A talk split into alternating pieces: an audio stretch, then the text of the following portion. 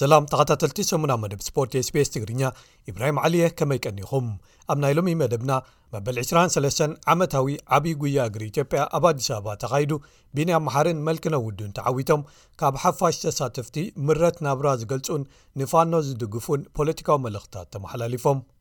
ኢትዮጵያ ዝሓለፈ ረቡዕ ምሸት ኣንጻር ሲራልዮን ዘካየደቶ መጻረይ ግጥም ንዋንጫ ዓለም 226 ብጽዑቕ ግመ ተሸፊኑ ስለ ዝተሰናኸለ ናብ ፊፋ ጥርዓን ኣቕሪባ ዝቕጽል ግጥማ ኣንጻር ቡርኪናፋሶ ዝጅመረሉ ግዜ ተቐይሩላ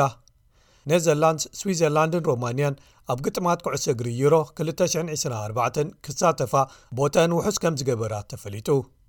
እንግሊዛዊት ጋንታ ኤቨርተን መምርሒታት ፋይናንስ ፕሪምየር ሊግ ጥሒሳ ተባሂላ 1ሰተ ነጥቢ ክቕነሳ ተወሲኑ ዝብሉ ገለ ትሕሶታት ንምልከቶም እዮም ሰናይ ምክትታል መበል 23 ዓመታዊ ውድድር ጉያ እግሪ ሓፋሽ ዓብይ ጉያ እግሪ ኢትዮጵያ ሰንበት ኣብ ኣዲስ ኣበባ ተኻይዱ እዚ ሃይለ ገብረ ስላሰ ዘበገሶ ውራይ ኣብዚ ዓመት ልዕሊ 45000 ዝኾኑ ሓፋሽ ናይ ደገን ናይ ውሽጢ ሃገርን ከምኡ ውን ኣምባሳደራትን ገዳይም ኣትሌታትን ተሳቲፎምዎ ክብሉ ኣዳለውቲ ገሊፆም ኣብቲ 1 ኪሎ ሜትር ዝርሕቀት ውድድር ካብ ኤሊት ኣትሌታት ቢንያ መሓሪ ብወገን ድቂ ተባዕትዮ ክዕወት እንከሎ መልክነ ውዱ ከኣ ብደቂ ኣንስትዮ ክትዕወት ክኢላ እዚ ውድድር ሓፋሽ ዓመታዊ ዝተፈላለዩ ማሕበራዊ ጸገማት ንምፍታሕን ኣፍልጦ ህዝቢ ንምዕዛዝን ከም ተልእኹኡ ሒዙ ዝካየድ ሓደ ካብቶም ዝዓበዩ ውራያት ኣብ ዓለም ኮይኑ ኣብዚ ዓመት ፕሬዚደንት ኢትዮጵያ ሳህለ ወርቂ ዘውደን ወኪላት ውድብ ሕቡራት ሃገራትን ዲፕሎማሰኛታትን ተረኺቦም ነይሮም እንተኾነ ግን ተሳተፍቲ ነዚ መድረኽ ፖለቲካዊ መልእኽትታቶም ከመሓላልፉ እውን ክጥቀምሉ ጸኒሖም እዮም ኣብዚ ዓመት ተሳተፍቲ ፍቕሮም ነቲ ስፖርት ብዝተፈላለዩ ጭርሖታት ዝገለጹ ኮይኖም እቲ ሃገር ዘላቶ ማሕበረ ፖለቲካውን ቁጠባውን ኩነታት ዘንፀባርቑ ጭርሖታትን መልእኽታትን ተመሓላሊፎም ኣብ ገሊኡ ናብራ ከቢዱና እንታይ ክንገብር ዝብሉ መልእኽታት ከቃልዑ እንከለው ኣብ ካልኦት ከኣ ንፋኖ ዝድግፉን ክመፅኦም ዝብሉ ጭርሖታትን ተቓሊሖም እዚኦም ከኣ ዓሚቕ ወጥሪ ኣብ ፖለቲካዊ ጉዳያት ከም ዘሎ ዘመልክቱን ህዝቢ ዝተፈላለዩ መድረኻት ተጠቒሙ ፀገሙ ኣብ ምግላፅ ይጥቀመሉ ከም ዘሎን ምስክር እዮም ይብሉ ገለ ተዓዘብቲ ስፖርታዊ መድረኻት ንፖለቲካዊ መርገጺታት መቃልሒ ኣብ ዝተፈላለዩ እዋናት ኣብ ኢትዮጵያ ኣገልጊሎም እንተኾኑ እኳ ኣብዚ ቐረባ ግዜ ግን ፖለቲካዊ ጸገም ኣብቲ ሃገር ይኸፍእ ስለ ዘሎ መሊሶም ደሚቖም ዝቃልሓሎም ኮይኖም ኣለዉ ዝብሉ እውን ኣለዉ ኢትዮጵያ እቲ ዝሓለፈ ረቡዕ ምሸት ኣንጻር ሴራልዮን ዘካየደቶ መጻረይ ግጥም ንዋንጫ ዓለም 226 ብጽዑቕ ግመ ተሸፊኑ ስለ ዝተሰናኸለ ናብ ፊፋ ጥርዓን ኣቕሪባ ኢትዮጵያ ኣህጉራዊ መለክዒታት ዘማልአ ሜዳ ስለ ዘይብላ እዚ ግጥም ምድበይ ኣብ ሞሮካዊት ኣብ ገምገም ባሕሪ ትርከብ ከተማ ኤልጃዲዳ እዩ ተኸይዱ ኣብቲ ግጥም ብሰንኪቲ ምረኣኣይ ዝኸልእ ዝነበረ ግመ ናይ ዕረፍቲ ግዜ ከም ዝናዋሕ ተገይሩ ኣብ ካልኣይ ክፋል ከኣ ዳኛ ነቲ ግጥም ክልተ ግዜ ደው ኣቢልዎ ድሕሪ ናይ 15 ደቂቕ ወሰኽ ግዜ ከኣ እቲ ግጥም ብዘይሽቶ ማዕረ ተዛዚሙ ፈደሬሽን ኩዕሶ እግሪ ኢትዮጵያ ናብ ፊፋ ዝጸሓፎ መልእኽቲ እቲ መጻረይ ግጥም ናብ ካልእ እዋን ክመሓላልፍ ነይርዎ ዝብል እዩ ኢትዮጵያ ዝመጽእ ሰሉስ ምሸት እውን ኣብቲ ሜዳ ግጥማ ኣንጻር ቡርኪናፋሶ ከተካይድ እያ እቲ ፈደሬሽን ከኣ እቲ ግጥም ዝካየደሉ ግዜ ካብቲ ተታሒዝሉ ዘሎ ሰዓት 8ን ድሕሪ ቀትሪ ብኣቆጻጽራ እቲ ከባቢ ናብ ካልእ እዋን ክቕየር ጠለብ ኣቕሪቡ ከም ዘሎ ተፈሊጡ ኣሎ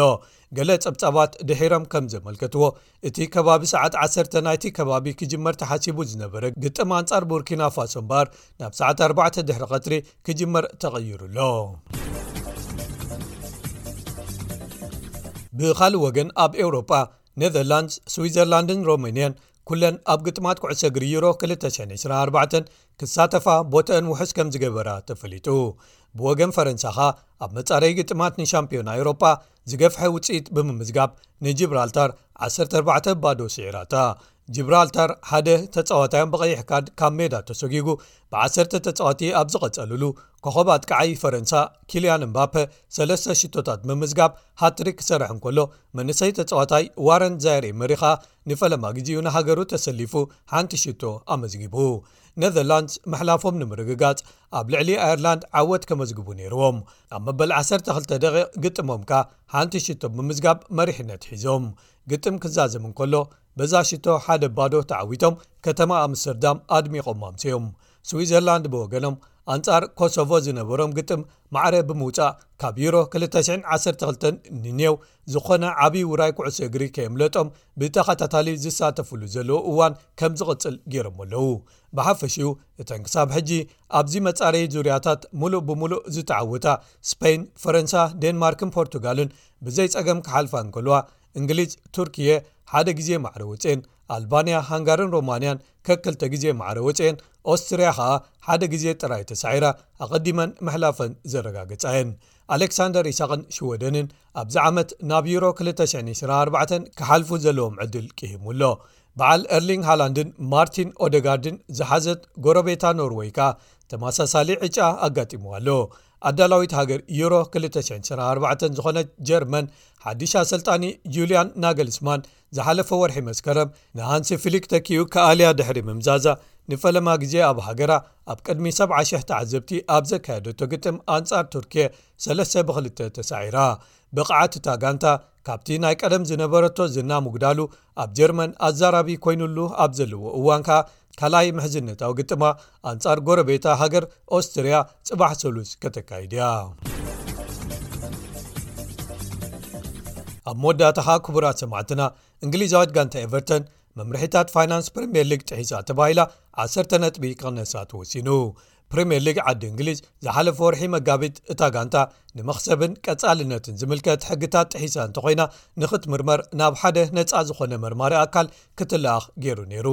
ኤቨርተን ነቲ ውሳነ ይግባ ኢላ እንተሃለወት እኳ ንክልተ ዓመታት ኣብ ዞና ምምላስ ንታሕቲ ወይ ሬሊጌሽን ዞን ክትሳቐ ድሕሪ ምጽናሕ ኣብ ዝሓለፉ ሒደት ኣዋርሒ ጥራያ ክትስዕር ብምጅማር ኣብ ተርታ ጋንታታት ፕሪምየር ሊግ ንላዕሊ እናደየበት ክትከይድ ዝጸንሐት ኣብ ትሕቲ ኣሰልጣኒ ሸወንዳይሽ ካብዘን ሰለስተ ናይ መወዳእታ ግጥማታ እተን ክልተ ምስተዓወተት ናብ መበል 14 ተርታ ደይባ ነይራ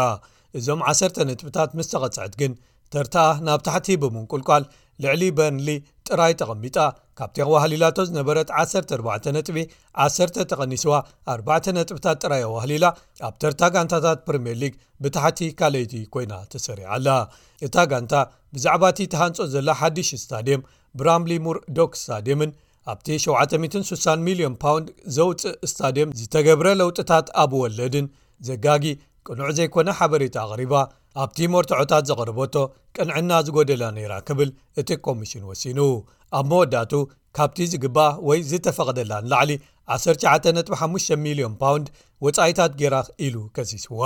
ኤቨርተን ነዚ መምርሒታት ጥሒሳ ተባሂላ ዝተቐጽዐት ቀዳመይቲ ጋንታ ኮይናኣላ እንተኾነ ግን እታ ጋንታ ነዚ መምርሒታት ክትሕስን ከላ እተን እቲ በደል ኣብ ዝፈጽመትሉ እዋን ሽዑ እንተ ተቕጽዐ ነይራ ንሕና ኣብ ፕሪምየር ሊግ ክንጸንሕ ምኽኣልና ነርና ኢለን ዝሓስባ ጋንታታት ናይ ካሓሳ ጥርዓነን ከቕርባ ይኽእላ የን ብመሰረት ኣብ ወንበር እቲ ነዚ ውሳኔ ዝሃበ ነፃ ኮሚሽን ደቪድ ፊሊፕስ ሊድስ ዩናይትድ ሌስተር ሲቲ ሳውትሃምተን በርንሊን ኖቲንግሃም ፎረስትን እተን ጥርዓነን ኣንጻር ኤቨርተን ከቕርባ ዝኽእላ ጋንታታት እየን ኣብ ክልቲኦም ዝሓለፉ ወቕትታት ኤቨርተን 1ሰተ ነጥቢ ክጎድላ እንተዝውሰድ ነይሩ ንታሕቲ ከይ ወረዳ ክጸንሓ ዝኽእላ ዝነበራ በርንሊ ኣብ 22021 ከምኡውን ሊድስ ዩናይትድ ኣብ 221 22 እተን ክልተ ኣብዚ ጥርዓን ክዕወታ ዝለዓለ ተኽእሎ ዘለዎን ጋንታታት እየን እዚ ውሳነ ዝሓለፈ ዓርቢ ካብ ዝወሃብ ንድሓር ኣብ ውሽጢ 28 መዓልታት እዘን ተበዲልና ዝብላ ጋንታታት ጥርዓነን ከቕርባ ናይ ግዜ ገደብ ተዋሂብዎን ኣሎ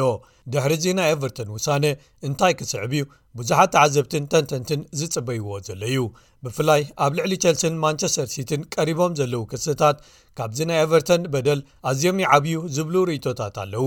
ስለዚ እንታይ ዓይነት መቕጻዕቲ ክወሃበን እዩ ዝወሃበን እንተኾይኑ ማለት እዩ ንምርኣይ ብዙሓት ደገፍተን ኣብ ሸቐልቀል ክርከቡ እንከለዉ ካልኦት ከኣ ንፍትሓውነት እዞም መቕጻዕትታት ንምርኣይ ብሃንቀውታ ይጽበዩ ኣለዉ